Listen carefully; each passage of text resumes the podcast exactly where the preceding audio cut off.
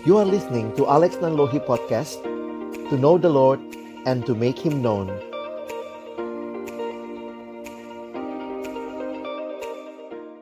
Baik, tema malam hari ini adalah disucikan oleh roh kudus Mengapa tak menjamin jauh dari dosa?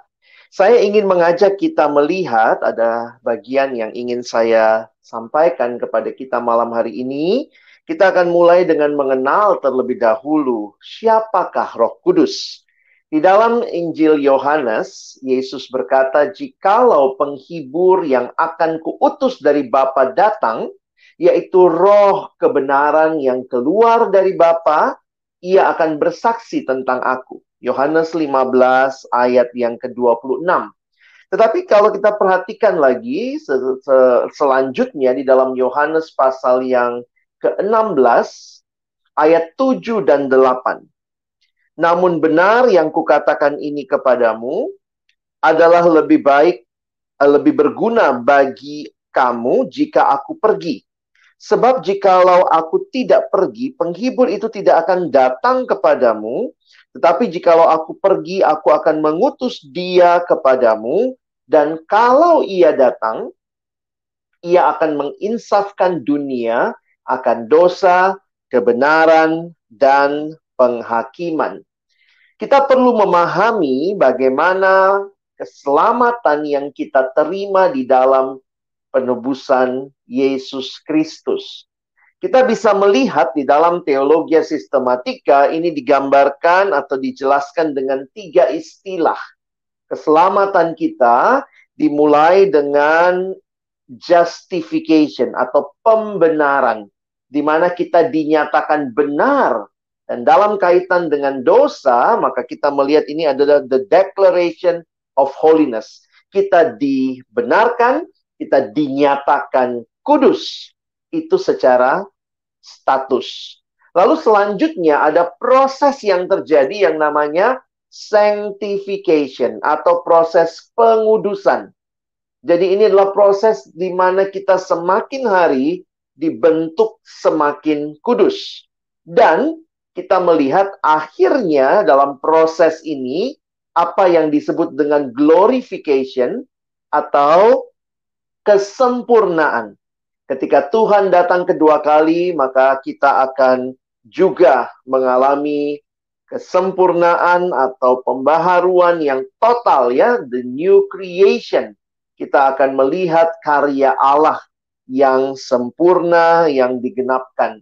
Nah, sehingga kalau kita perhatikan bahwa keselamatan terjadi di dalam sejarah, di dalam karya Allah Tritunggal, dan Allah yang menyelamatkan kita masih memberi kesempatan kita ada dalam dunia yang sudah jatuh di dalam dosa ini, dan kita sedang terus disucikan sampai nanti kita bertemu dengan Tuhan di dalam glorification itu.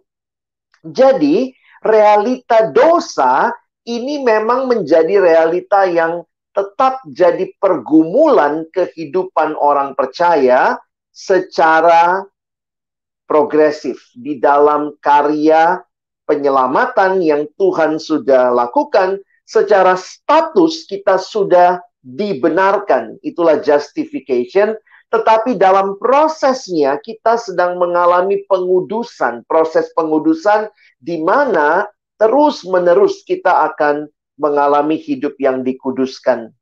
Nah, Bapak Ibu Saudara yang dikasihi Tuhan, di dalam situasi hal yang terjadi inilah kita melihat bagaimana karya Roh Kudus yang ada di dalam, saya pikir di dalam ketiganya, justification, sanctification, dan glorification. Karya Roh Kudus dalam hidup orang percaya ini sangat penting. Karena tanpa pertolongan Roh Kudus, mustahil kita bisa masuk dalam kehidupan kekristenan. Sehingga kita bisa melihat dari awal pertobatan, ini adalah karya Roh Kudus. Titik awal kelahiran kembali merupakan buah dari pekerjaan Roh Kudus. Lalu yang saya katakan tadi bahwa selanjutnya dalam perjalanan hidup kekristenan. Ini yang menarik. Tuhan waktu selamatkan kita nggak langsung bawa kita ke surga. ya selesai berarti ya pergumulan dengan dosa. Tetapi Tuhan mengizinkan kita ada dalam dunia yang sudah jatuh dalam dosa. Lalu mungkin kita bertanya, kok Tuhan mengizinkan kita? Kenapa Tuhan membiarkan kita? Saya ingin katakan Tuhan tidak membiarkan kita, tetapi dia memberikan rohnya yang kudus, yang menolong kita untuk bisa hidup berkemenangan di dalam dunia yang sudah jatuh di dalam dosa ini. Dan kita melihat, inilah karya roh kudus yang ada dan terus sedang membawa hidup kita makin hari makin kudus dalam buku yang ditulis oleh Bapak R.C. Sproul, dia mengatakan bahwa mengapa disebut Roh Kudus? Apakah Roh Kudus lebih kudus dari Bapa? Apakah Roh Kudus lebih kudus dari anak? Tidak. Tetapi itu mengingatkan kita. Roh Kudus diberikan untuk memimpin hidup kita makin hari makin kudus. Jadi memang kita harus menyadari kita ada dalam dunia yang berdosa, tetapi kita diberikan Roh Kudus yang akan menemani perjalanan kita untuk membawa kita makin hari makin kudus. Nah, itulah karya yang Roh Kudus kerjakan ya. Ada banyak karya yang dia lakukan, memberi kuasa, mengajarkan kebenaran dan ini yang terkait dengan bahasan kita malam hari ini adalah Roh Kudus itu menguduskan. Jadi apa yang menjadi pertanyaan kita malam hari ini? Kita disucikan oleh Roh Kudus, tapi kenapa tidak jamin kita jauh dari dosa? Karena sebenarnya kita masih ada di dalam dunia yang sudah jatuh dalam dosa, tetapi kita perlu menghayati kehadiran Roh Kudus yang sebenarnya sedang memberikan kepada kita kemenangan demi kemenangan ketika kita taat dan berjalan di dalam kehendaknya. Nah, dalam kaitan ini ada satu kalimat yang menarik dari Bapak Pendeta John Stott yang mengatakan begini. Dosa dan anak Allah itu dua hal yang tidak klop. Tidak bisa berjalan bersama sebenarnya ya. Dia katakan beberapa kali bertemu tetapi tidak bisa hidup bersama dalam harmoni. Maksudnya apa? Ketika kita sudah lahir baru, kita sudah jadi anak Allah, maka kita harusnya tidak lagi terus-menerus berbuat dosa. Jadi dosa dan anak Allah tuh nggak kompatibel begitu ya. Nah, mari kita hayati sebentar, lalu bagaimana sikap kita yang seharusnya ketika kita menyadari bahwa roh kudus diberikan bagi kita, tapi masih ada realita dosa yang terjadi di sekitar kita. Saya mengutip kalimat dari pendeta Billy Graham, dalam bukunya tentang Roh Kudus, dia menegaskan satu hal yang penting buat kita ingat juga malam hari ini. Saya yakin bahwa satu kali kita telah dibaptiskan ke dalam tubuh Kristus dan didiami oleh Roh Kudus, kita tidak akan ditinggalkan oleh Roh lagi. Kita dimeteraikan untuk selamanya, dan ia adalah jaminan akan apa yang akan datang. Jadi buat setiap kita yang sudah percaya, sudah menerima Yesus dalam hidup kita, maka Roh Kudus diam di dalam kita. Lalu bagaimana ketika Roh Kudus diam di dalam kita?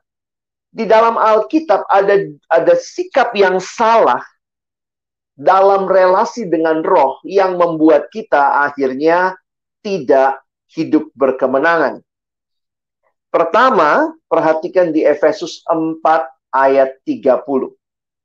Karena Roh Kudus adalah pribadi Allah yang diberikan bagi kita orang percaya, maka ketika kita tidak dengar-dengaran kepada apa yang Roh Kudus sampaikan, nyatakan, maka Efesus 4 ayat 30 Paulus berkata, dan janganlah kamu mendukakan Roh Kudus Allah yang telah memeteraikan kamu menjelang hari penyelamatan.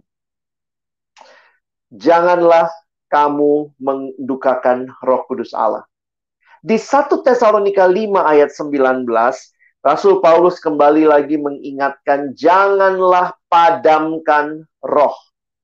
Jadi ini seharusnya tidaklah kita lakukan sebagai orang-orang yang hidup di dalam dunia di tengah-tengah dunia yang sudah jatuh dalam dosa dan Roh Kudus diberikan di dalam hati setiap kita.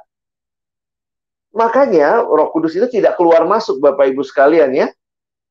Kalau dia tetap ada dalam kita, lalu waktu kita berdosa apa yang terjadi? Ini Roh Kudus berduka. Ketika kita memilih dosa, maka kita memadamkan roh. Istilah yang digunakan sebagai gambaran seperti api, saudara ya seperti cahaya api lalu kemudian dipadamkan, maka itulah yang Paulus ingatkan. Roh Kudus itu tidak meninggalkan kamu, dia tetap ada di dalam dirimu, tetapi jangan kamu dukakan, jangan kamu padamkan. Berarti bagaimana sikap yang benar? Nah, di dalam bagian yang lain ada dua sikap yang saya mau soroti malam hari ini. Efesus pasal 5 ayat 18. Paulus berkata kepada jemaat di Efesus, "Dan janganlah kamu mabuk oleh anggur, karena anggur menimbulkan hawa nafsu, tetapi hendaklah kamu penuh dengan Roh Kudus."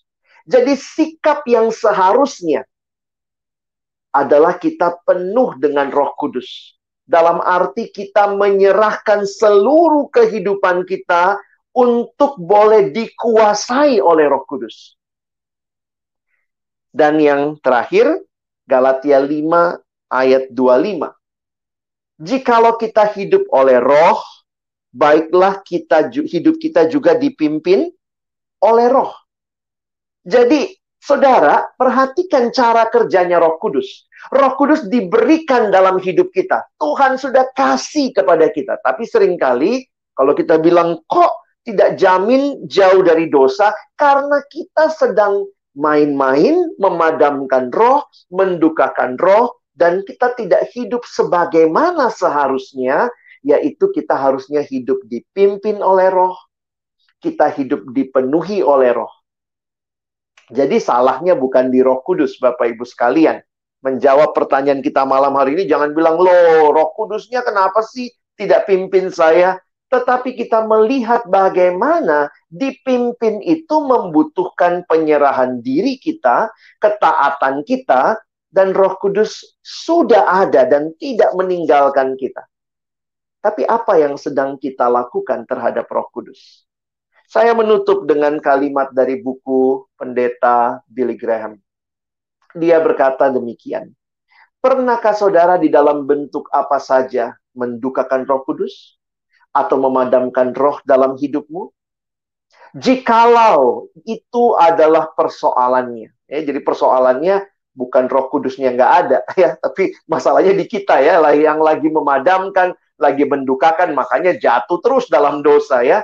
Jika itu adalah persoalannya, sadarlah sekarang bahwa bahwa sekarang inilah waktunya untuk mengakui semua kepada Allah dan bertobat daripada dosa-dosa itu kemudian berjalanlah setiap hari di dalam kepenuhan roh dan peka terhadap pimpinannya dan kuasanya di dalam hidup Anda.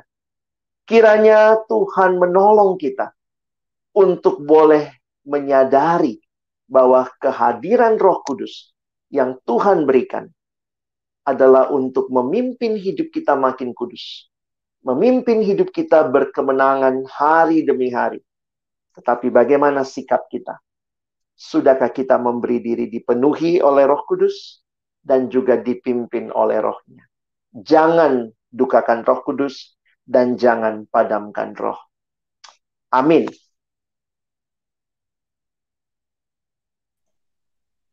Baik, terima kasih banyak uh, buat hambanya, Pendeta Alexander Agus Elias dan Lohi dan sudah menyampaikan topik kita malam hari ini yaitu disucikan oleh Roh Kudus mengapa tak menjamin jauh dari dosa. Dan rekan-rekan juga bisa mengirimkan pertanyaan maupun kolom komentar eh sorry komentar di kolom komentar yang ada dan kita akan membahas bersama-sama ya. dan baik seperti biasa kita langsung saja karena ada begitu banyak pertanyaan yang masuk Pak. Iya silakan uh, Pak. Uh, ada yang menyatakan menyampaikan seperti ini Pak Tadi sempat dijelaskan kalaupun dimateraikan ya Pak dengan Roh Kudus. Iya. Yang menjadi pertanyaannya adalah apa sih yang dimaksud dimateraikan dan mengapa masih ada yang murtad Pak? Okay. Bukankah kalau dimateraikan itu satu hal yang benar-benar uh, terjamin, Pak? Baik, Pak. Iya. Dimateraikan memang ini dari uh, bahasa yang digunakan dalam konteks orang di masa itu surat menyurat atau mungkin sesuatu yang dianggap legal itu dimateraikan, ada materai. Jadi itu sebenarnya materai itu menunjukkan cap kepemilikan. Nah, kalau ada ya ini kita bicara ya yang kalau ada yang kita lihat murtad, saya harus ingatkan begini, setiap kali lihat ada yang tanda kutip murtad, maka pertama kita harus mengingat kita belum tahu apa akhir hidupnya. Jadi jangan buru-buru menghakimi. Kita harusnya bisa terus berdoa bagi dia, mengajak dia kembali kepada Tuhan. Jadi kalau saya melihat, karena itu fenomena ya, kita nggak tahu nih. Siapa tahu lima menit sebelum dia meninggal, dia ingat Tuhan Yesus, dia percaya lagi, maka ya kita meyakini setiap orang yang percaya pada Kristus, dia pasti ada bersama Kristus di surga.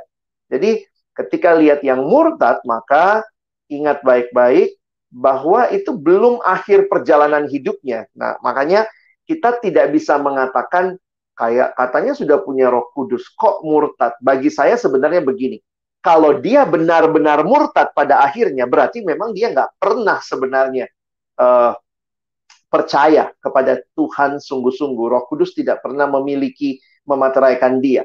Jadi materai itu menunjukkan kepemilikan dan yang tahu bahwa itu adalah milik adalah Tuhan sendiri dan tentunya buat kita yang punya relasi dengan Tuhan. Jadi hati-hati jangan kemudian kita menghakimi orang lain, tapi juga kita harus harus sadar kalau sampai benar-benar dia tidak percaya, ya berarti memang dari awal dia nggak pernah dimateraikan dengan Roh Kudus. Kira-kira begitu penjelasan saya, Pak. Wow, terima kasih. Ini penjelasannya ya. sangat baik, Pak. Kita langsung saja ke pertanyaan yang ada di Instagram ya, Pak. Ya, silakan. Selamat Pak. malam, Pak Alex. Mau tanya, jika di suatu rumah banyak energi negatif Pak karena banyak berhala uh, artinya keluarga non Kristen bagaimana cara mengaktif, mengefektifkan Roh Kudus itu agar efektif di hidup kita agar kita tidak kalah dengan energi negatif itu Pak baik terima kasih pertanyaannya ya Pak Hendri Pertama, saya harus clearkan dulu, Roh Kudus bukan sekedar kuasa tetapi Roh Kudus adalah pribadi Allah sendiri. Jadi Roh Kudus lebih dari semua kuasa, lebih daripada semua berhala, sehingga sebenarnya kalau kita menghayati itu, maka eh, poin saya adalah begini. Ketika kita melihat berhala atau mungkin ada ada orang dengan kepercayaan lain yang tinggal sama kita dan di rumah itu ada banyak mungkin berhala yang disembah, maka kita tetap meyakini Allah kita jauh lebih kuat dari itu. Dan bagaimana kita menghidupi kehadiran Roh Kudus dalam hidup kita itu harusnya nyata di dalam kehidupan kita, dalam pikiran, perkataan, perbuatan, dan bahkan saya melihat itu bisa jadi kesaksian yang justru membawa keluarga kita melihat siapa Tuhan yang kita sembah Sering kali bagi saudara-saudara yang ada di dalam keluarga yang belum percaya, salah satu yang jadi masalah adalah kita bukan jadi kesaksian, kadang-kadang malah jadi batu sandungan. Nah, itu yang saya pikir kita perlu bukan hanya kuat-kuatan roh siapa nih yang lebih kuat, tetapi poin saya adalah begini. Sudahkah kita mengasihi keluarga kita dengan baik? Itu kan bukti adanya Roh Kudus. Roh Kudus adalah roh yang memberikan buah dan buah roh itu adalah kasih, sukacita, damai sejahtera. Jadi sebenarnya itulah yang harusnya nyata dalam hidup kita sebagai kesaksian kita bagi keluarga. Jadi ini bukan masalah perang-perangan kuasa mana yang lebih kuat, tetapi nyatakan Roh Kudus yang hidup dalam saudara dan itu yang akan mengalahkan bahkan semua berhala itu saya pikir jadi bukan sekedar kayak Power Ranger lagi berantem kuasa begitu ya Mungkin begitu.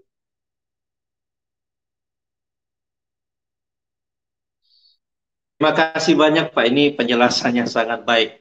E, menyambung ya. e, tadi penjelasan hambanya ada pertanyaan berikut Pak yang disampaikan. Ya. Pak artinya bahwa roh yang ada padamu lebih berkuasa daripada roh yang ada dunia ini seperti apa Pak? Betul. Apakah sama ketika hmm. saya mengalami ketakutan itu artinya saya belum punya roh atau roh saya hmm. masih kecil Pak yang ada dalam Pak? Misalnya ke satu tempat roh kudus, wah, saya uh, merinding takut. Uh, gitu ya kita memang harus menyadari ya bahwa sekali lagi Roh Kudus adalah pribadi Allah. Maksudnya bahwa Roh Kudus bukan jadi di Alkitab itu kata ganti untuk Roh Kudus bukan benda. Kalau Roh Kudus cuma kuasa berarti dia benda. Tetapi Roh Kudus adalah pribadi. Lihat tadi kata ganti yang dipakai, Yesus berkata, "Jika Ia ya datang, maka Ia akan menginsafkan." Berarti Roh Kudus adalah pribadi Allah. Jadi perhatikan roh yang diberikan di dalam diri kita itu adalah pribadi Allah sendiri. Allah diam di dalam kita dan inilah sebenarnya sumber kekuatan, sumber kemenangan menghadapi berbagai pergumulan hidup. Nah, bagaimana nih di tengah dunia kadang-kadang kita lagi pergi ke tempat yang ini kok kita rasanya merinding, kita pergi ke sana kita rasanya seperti apa? Saya harus ingatkan jangan-jangan kita tidak benar-benar menghayati kehadiran roh Allah dalam hidup kita. Dan itu yang seharusnya kita terus diingatkan. Karena itu, bangunlah relasi dengan Tuhan untuk terus mengingatkan kita anak Tuhan, ada roh Allah diam di dalam kita, roh yang diam dalam kita lebih besar dari roh yang ada dalam dunia ini. Dan itu bukanlah sebuah teori, tetapi biarlah itu jadi pengalaman iman kita. Nah, jadi eh, apa ya? Saya ingat pendeta John Stott pernah kasih ilustrasi begini, bahwa ada seorang anak raja, dia calon pengganti raja, maksudnya putra mahkotanya, tapi kemudian beberapa kali dia tidak ikuti kehidupan yang seharusnya sebagai calon raja begitu ya. Tapi kemudian papanya selalu ingatkan sama dia. Ingat, kamu anak raja. Jadi diingatkan terus, kamu anak raja begitu dia mulai lagi nggak beres hidupnya, mungkin juga tidak ikuti etika yang harusnya dilakukan, papanya cuma ingatkan, ingat kamu anak raja. Saya pikir dalam hidup beriman kita, kita perlu terus menyadari. Karena itu biarkanlah firman Tuhan yang kita baca, renungkan setiap hari, mengingatkan tentang siapa kita, siapa Allah kita, dan bagaimana kita bisa hidup di dalam dia dan berkemenangan di dalam dia. Wow, terima kasih Pak. Ini kembali lagi ada pertanyaan dari Facebook Pak, dari rekan kita ya. bernama Koleksi Novel. Mm-hmm. Pada saat kita taat dan peka terhadap pimpinan Roh Kudus, sering kali orang menganggap sok suci. Bagaimana cara kita mensupport diri sendiri, Pak? iya, ini jadi menarik memang ya, karena kok kita terganggu ya dengan dianggap sok suci. Mungkinkah karena itu orang jadi jauh sama kita? Nah, saya ingin ingatkan mungkin begini. Pertama-tama kita harus menyadari dulu begitu ya bahwa apa yang disebutkan orang terhadap kita, kita harus lihat realitanya. Nah, saya kasih contoh saja Pak ya, saya namanya Alex Nanlohi Pak. Nanlohi itu marga saya. Kalau ada orang yang bilang sama saya, dasar nih Pak Alex sok Nanlohi, saya akan marah tentunya. Kenapa? Saya bukan sok nanlohi. Saya memang nanlohi. Nah, kalau kita adalah anak Allah, kita adalah anak Allah yang ada roh kudus diam di dalam kita. Harusnya anak Allah yang ada roh kudus hidupnya suci. Jadi kalau orang bilang dasar kau sok suci, sebenarnya harusnya kita mensupport dirinya gimana? Ya bilang saja, terima kasih, tapi saya nggak sok suci. Saya memang suci. Masa Bapakku suci? Saya enggak. Ya. Saya ada roh kudus. Dan karena itulah saya hidup kudus. Jadi itu justru menunjukkan siapa saya dan siapa Bapak saya yang memimpin hidup saya. Jadi sebenarnya jangan terlalu tertekan ya dengan istilah-istilah julukan yang diberikan orang, tetapi hayatilah itu sebagai sebuah peneguhan kalau dia lihat saya sok suci, berarti sudah kelihatan nih ya, bahwa memang saya sedang menghidupi apa yang Bapak saya mau. Nah, tapi mungkin, Masalahnya adalah kita bisa jadi menunjukkan kesucian itu dengan cara-cara yang terlalu ekstrim. Mungkin juga saya ingat ada satu waktu ada seorang anak yang tiba-tiba teriak di kelas. Nah teriaknya tuh kayak sok gitu. Saya nggak mau nyontek ya, saya orang percaya ya, saya nggak mau nyontek ya, jangan pernah uh, ini. Jadi dengan cara dia seperti itu, malah tidak mendapat simpati dari teman-temannya. Keinginannya untuk hidup kudus tidak diikuti dengan sikap yang baik. Mungkin sikap yang lebih baik adalah mungkin dia justru bilang sama teman-temannya ya, yuk jangan uh, siapa yang mau belajar bareng gitu ya, kita belajar bareng yuk supaya pas ujian kita nggak nyontek. Jadi bukannya menunjukkan saya suci banget, kamu semua nggak kudus. Nah, saya pikir itu justru bukannya orang simpati dengan apa yang menjadi standpoint kita, tapi orang jadi tidak melihat itu sebagai hal yang baik. Jadi saya pikir di Alkitab juga jelas ya Tuhan minta kita punya hidup yang kudus, tetapi Tuhan juga minta kita bisa jadi garam dan terang. Nah, bagaimana ini berjalan dengan beriringan? Saya pikir itu, Pak. Wow, terima kasih Pak. Ini tak terasa ya waktunya, Pak. Ada yang ya. bertanya kemudian, Pak kapan dan bagaimana kita menerima Roh Kudus, Pak? E, kemudian, apakah Roh Kudus itu bisa dirasakan, Pak, waktu kita terima? Karena sampai sekarang pun saya nggak tahu apakah Roh itu sudah ada dalam saya dan saya nggak tahu rasanya itu seperti apa dan ciri-ciri orang sudah dipenuhi Roh Kudus itu seperti apa, Pak? Ini ada yang bertanya. Apakah ketika kita menerima Tuhan Yesus, Roh Kudus itu benar-benar ada atau ada proses yang di, dijalani Pak, baru bisa menerima benar-benar Pak. Cukup panjang Pak pertanyaannya. Baik, saya bahas secara ringkas saja, mungkin bisa cek di video-video bara yang lain juga itu mungkin pernah dijelaskan. Tetapi saya hanya ingatkan bahwa menerima Yesus sama dengan menerima Roh Kudus. Itu peristiwa yang dikerjakan oleh Roh Kudus di dalam diri kita. Ayatnya dari mana? Saya ambil dari 1 Korintus 12 ayat 3. Perhatikan ayat ini. Karena itu aku mau meyakinkan kamu bahwa tidak ada seorang pun yang berkata-kata oleh roh Allah dapat berkata terkutuklah Yesus. Dan, nah ini perhatikan kalimatnya. Dan tidak ada seorang pun yang dapat mengaku Yesus adalah Tuhan selain oleh roh kudus. Mungkin banyak pengajaran yang saat ini diberikan seolah-olah Roh Kudus itu kuasa saja, itu adalah sebuah perasaan sehingga kita tuh mencari-cari pengalaman-pengalaman. Udah ada Roh Kudus belum ya? Kok saya belum pernah getar-getar? Kok saya belum pernah terjatuh? Saya belum pernah tertidur dalam roh, tertawa dalam roh padahal kalau lihat ayatnya jelas sekali Paulus berkata, dan tidak ada seorang pun yang dapat mengaku Yesus adalah Tuhan selain oleh Roh Kudus. Berarti semua orang yang sudah percaya pada Yesus sebagai Tuhan dan Juru Selamat, sudah terima dia dalam hatinya, Paulus berkata, kamu bisa bicara Yesus Tuhan, itu karena roh kudus diam dalam kamu. Jadi makanya secara doktrinal, Terima Yesus itu sama dengan terima Roh Kudus. Bukannya terima Yesus dulu, lalu nanti tunggu ada upacara tertentu, nanti ada yang melakukan sesuatu, baru kita terima Roh Kudus. Seolah-olah itu dua pengalaman terpisah. Tidak. Kalau saudara pelajari dalam Alkitab, itu sebuah pengalaman iman yang sama. Ingat Allah Tritunggal, masa terima Yesus Roh Kudus ketinggalan di luar? Lalu kemudian kita pakai ritual, ayo dong masuk Roh Kudus. Waktu masuk kemudian kita gelepar-gelepar, saya pikir justru itu tidak menunjukkan siapa Roh Kudus. Kalau lihat tadi di ayat yang Yesus berkata, kalau Roh Kudus itu datang, dia akan bersaksi tentang aku. Nah, makanya saya sangat meyakini terima Yesus sama dengan terima Roh Kudus. Itu pengalaman yang sama. Oh, terima kasih Pak. Ini ada pertanyaan terakhir Pak. Mengapa ya. sangat sulit pertanyaan terakhir dari rekan kita, mengapa sangat sulit lepas dari dosa Pak, sedangkan Roh Kudus kan sudah di hati.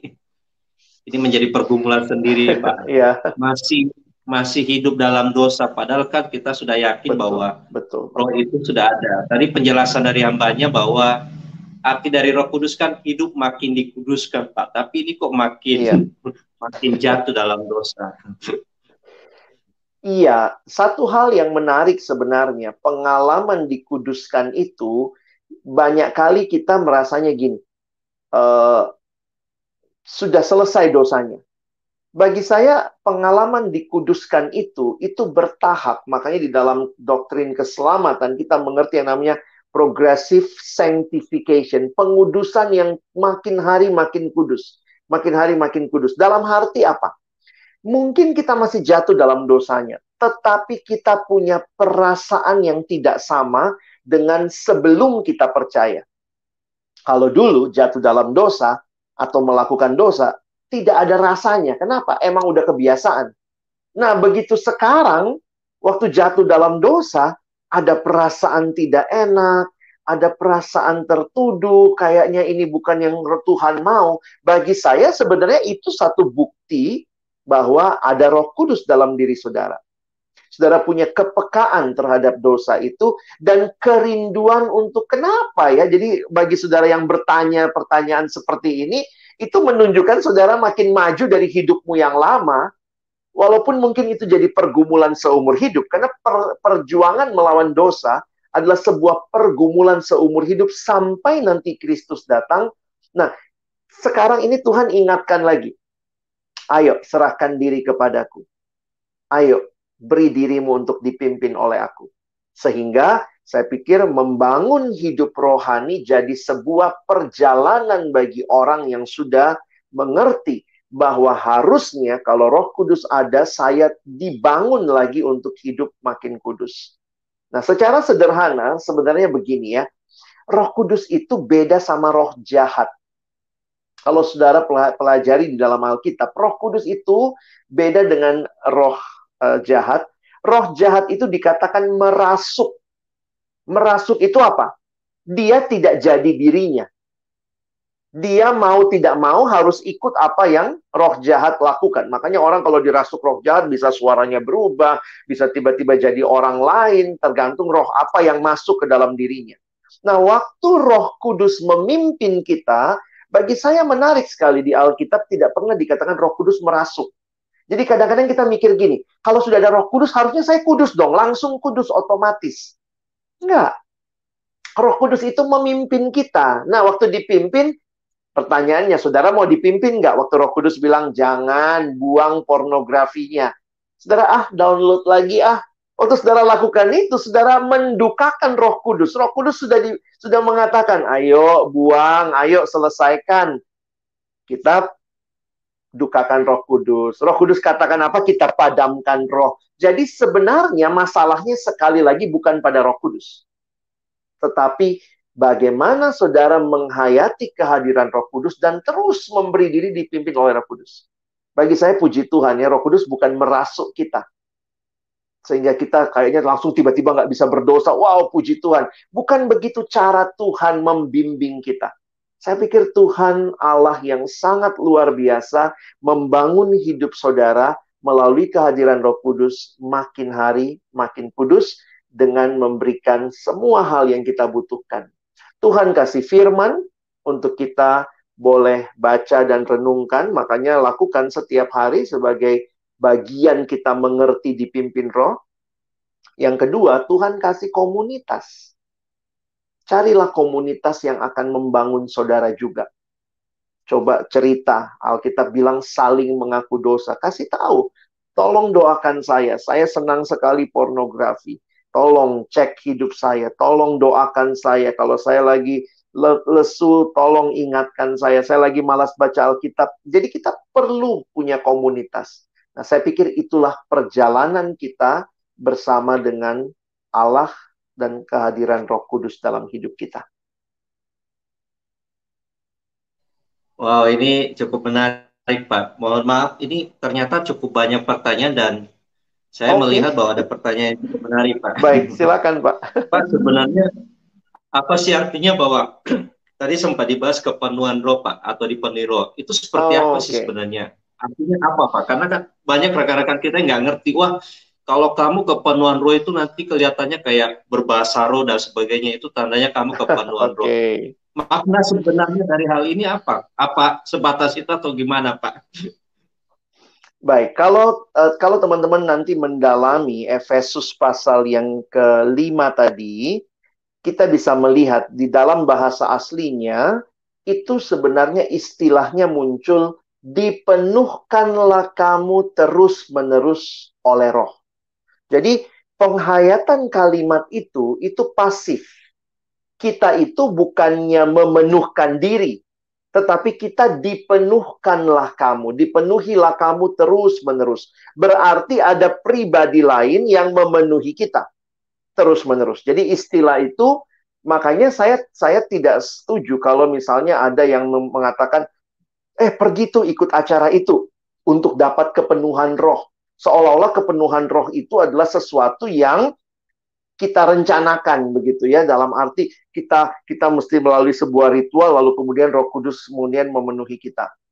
Jadi kesalahan pertama yang saya agak takut adalah itu. Yang kedua adalah istilah ini. Saya pikir kita harus clear, Roh Kudus itu pribadi bukan benda. Beberapa orang begitu dengar istilah dipenuhkan, langsung bayangannya, wah ini ada yang bilang gini Pak, wah saya Roh Kudusnya 50% nih. Oh, kalau saya sudah 70% lebih tinggi. Oh, kalau saya sudah tenggelam dalam roh. Itu cara yang salah memahami roh kudus. Jadi kalau dipenuhi roh, bagi saya secara pribadi, saya mengambil penjelasan dari buku roh kudus Bapak Billy Graham. Dia katakan begini. Bayangkan pribadi memenuhi pribadi. Karena ini kan roh kudus itu pribadi kita kita sendiri adalah pribadi, manusia ini pribadi. Jadi apa artinya pribadi memenuhi pribadi? Sederhananya begini, kalau Bapak Ibu, teman-teman mungkin punya adik atau anak, ajak jalan ke mall gitu ya, anak kecil lah, balita ya. Jalan ke mall, kita pegang tangannya. Nah, saya pribadi, misalnya saya papanya, dia anak saya, saya pegang tangannya. Nah, kemudian saya bilang, yuk kita harus makan siang. Terus kita jalan. Tiba-tiba anak itu lihat permen. Terus dia kemudian lari ke arah permen. Sambil megang tangan saya, dia larinya ke arah permen. Dia malah narik saya. Nah, itu gambarannya. Anak ini tidak sedang dipenuhi oleh keinginan saya. Dia memilih jalannya sendiri. Nah, ketika dia mengarah ke permen, ya saya sebagai bapaknya kalau kita menghayati Roh Kudus tidak merasuk ya jangan padamkan roh, jangan dukakan roh. Jadi harusnya kalau dia dipenuhi berarti dia mengikuti apa yang jadi kehendak yang memimpin dia. Nah, jadi secara sederhana ingatlah Roh Kudus pribadi yang mau memimpin kita. Tetapi dia memimpin tidak dengan memaksa tapi memberikan kebebasan dan Mari kita dengan sadar beri dirimu dipimpin, dipenuhi oleh Roh Kudus. Supaya keinginan roh itu menjadi keinginan kita. Nah, itu kira-kira penghayatan dipenuhi Roh Kudus yang bukan bendawi, bukan kuantitas, tetapi pribadi memimpin pribadi. Oh ini terima kasih Pak. Uh, Baik, sebagai ya. penutup Pak, mungkin ada uh, statement closing dari hambanya untuk kita semua seputar topik dan pembahasan malam hari ini untuk menyampaikan kepada rekan-rekan semua. Baik, terima kasih. Kita bersyukur bahwa kehadiran Roh Kudus dalam hidup kita adalah kehadiran yang permanen. Bagi semua yang percaya, Roh Kudus tidak meninggalkan kita. Karena itu, berilah dirimu hidup oleh roh dan dipimpin oleh roh. Karena itulah kunci kehidupan yang berkemenangan. Sementara ketika kita menikmati dosa tanpa sadar atau sadar kita sedang memadamkan roh dan kita sedang mendukakan roh. Jadi saya rindu Bapak Ibu Saudara sekalian di bulan di mana kita merayakan hari Pentakosta ini kita benar-benar menyadari kehadiran Roh Kudus dan kita siap dipimpin oleh Roh Kudus. Amin. Amin. Terima kasih Pak. Ini banyak komentar yang menyampaikan terima kasih buat penjelasannya. Sama-sama. Ada juga yang menyampaikan kiranya kita mau terus hidup dipimpin oleh Roh Kudus dan terima kasih buat pendeta uh, Alexander Agus Elias Nanlohi yang sudah menolong kita. Baik, seperti biasa di akhir acara ini kita akan menutup dan saya persilakan kepada hambanya untuk menolong kita dalam doa. Mari kita berdoa. Kami bersyukur kepadamu ya Tuhan yang tidak meninggalkan kami. Tetapi engkau Allah yang mengaruniakan keselamatan di dalam Kristus. Tetapi ketika Kristus kembali kepada Bapa, maka roh kudus diberikan kepada kami, diam di dalam hidup setiap kami yang percaya. Dan kami berdoa biarlah hidup kami bagi semua Bapak Ibu Saudara yang mendengarkan siaran ini yang sedang di dalam pergumulan yang berat, di dalam dosa, di dalam kesulitan untuk bangkit dari pergumulan-pergumulan kegagalan. Kami berdoa biarlah malam hari ini kami benar-benar mengerti dan kemudian bangkit untuk menyerahkan diri, dipimpin oleh Roh Kudus, hidup di dalam Roh, dipenuhi Roh sehingga bukan kehendak kami, tetapi kehendakmu ya Tuhan yang kami ikuti. Hamba berdoa bagi saudara-saudara yang dalam uh, pergumulan yang dalam, pergumulan yang berat, Tuhan kiranya memberikan mereka kekuatan untuk bangkit dan terus berharap kepada Tuhan. Terima kasih untuk pelayanan ini. Kami terus berdoa kiranya pakailah pelayanan Bara Digital Ministry juga membawa berkat bagi seluruh anak-anak Tuhan di negeri ini. Kami bersyukur menutup doa kami dalam nama Tuhan Yesus. Kami sudah berdoa dan bersyukur. Amin.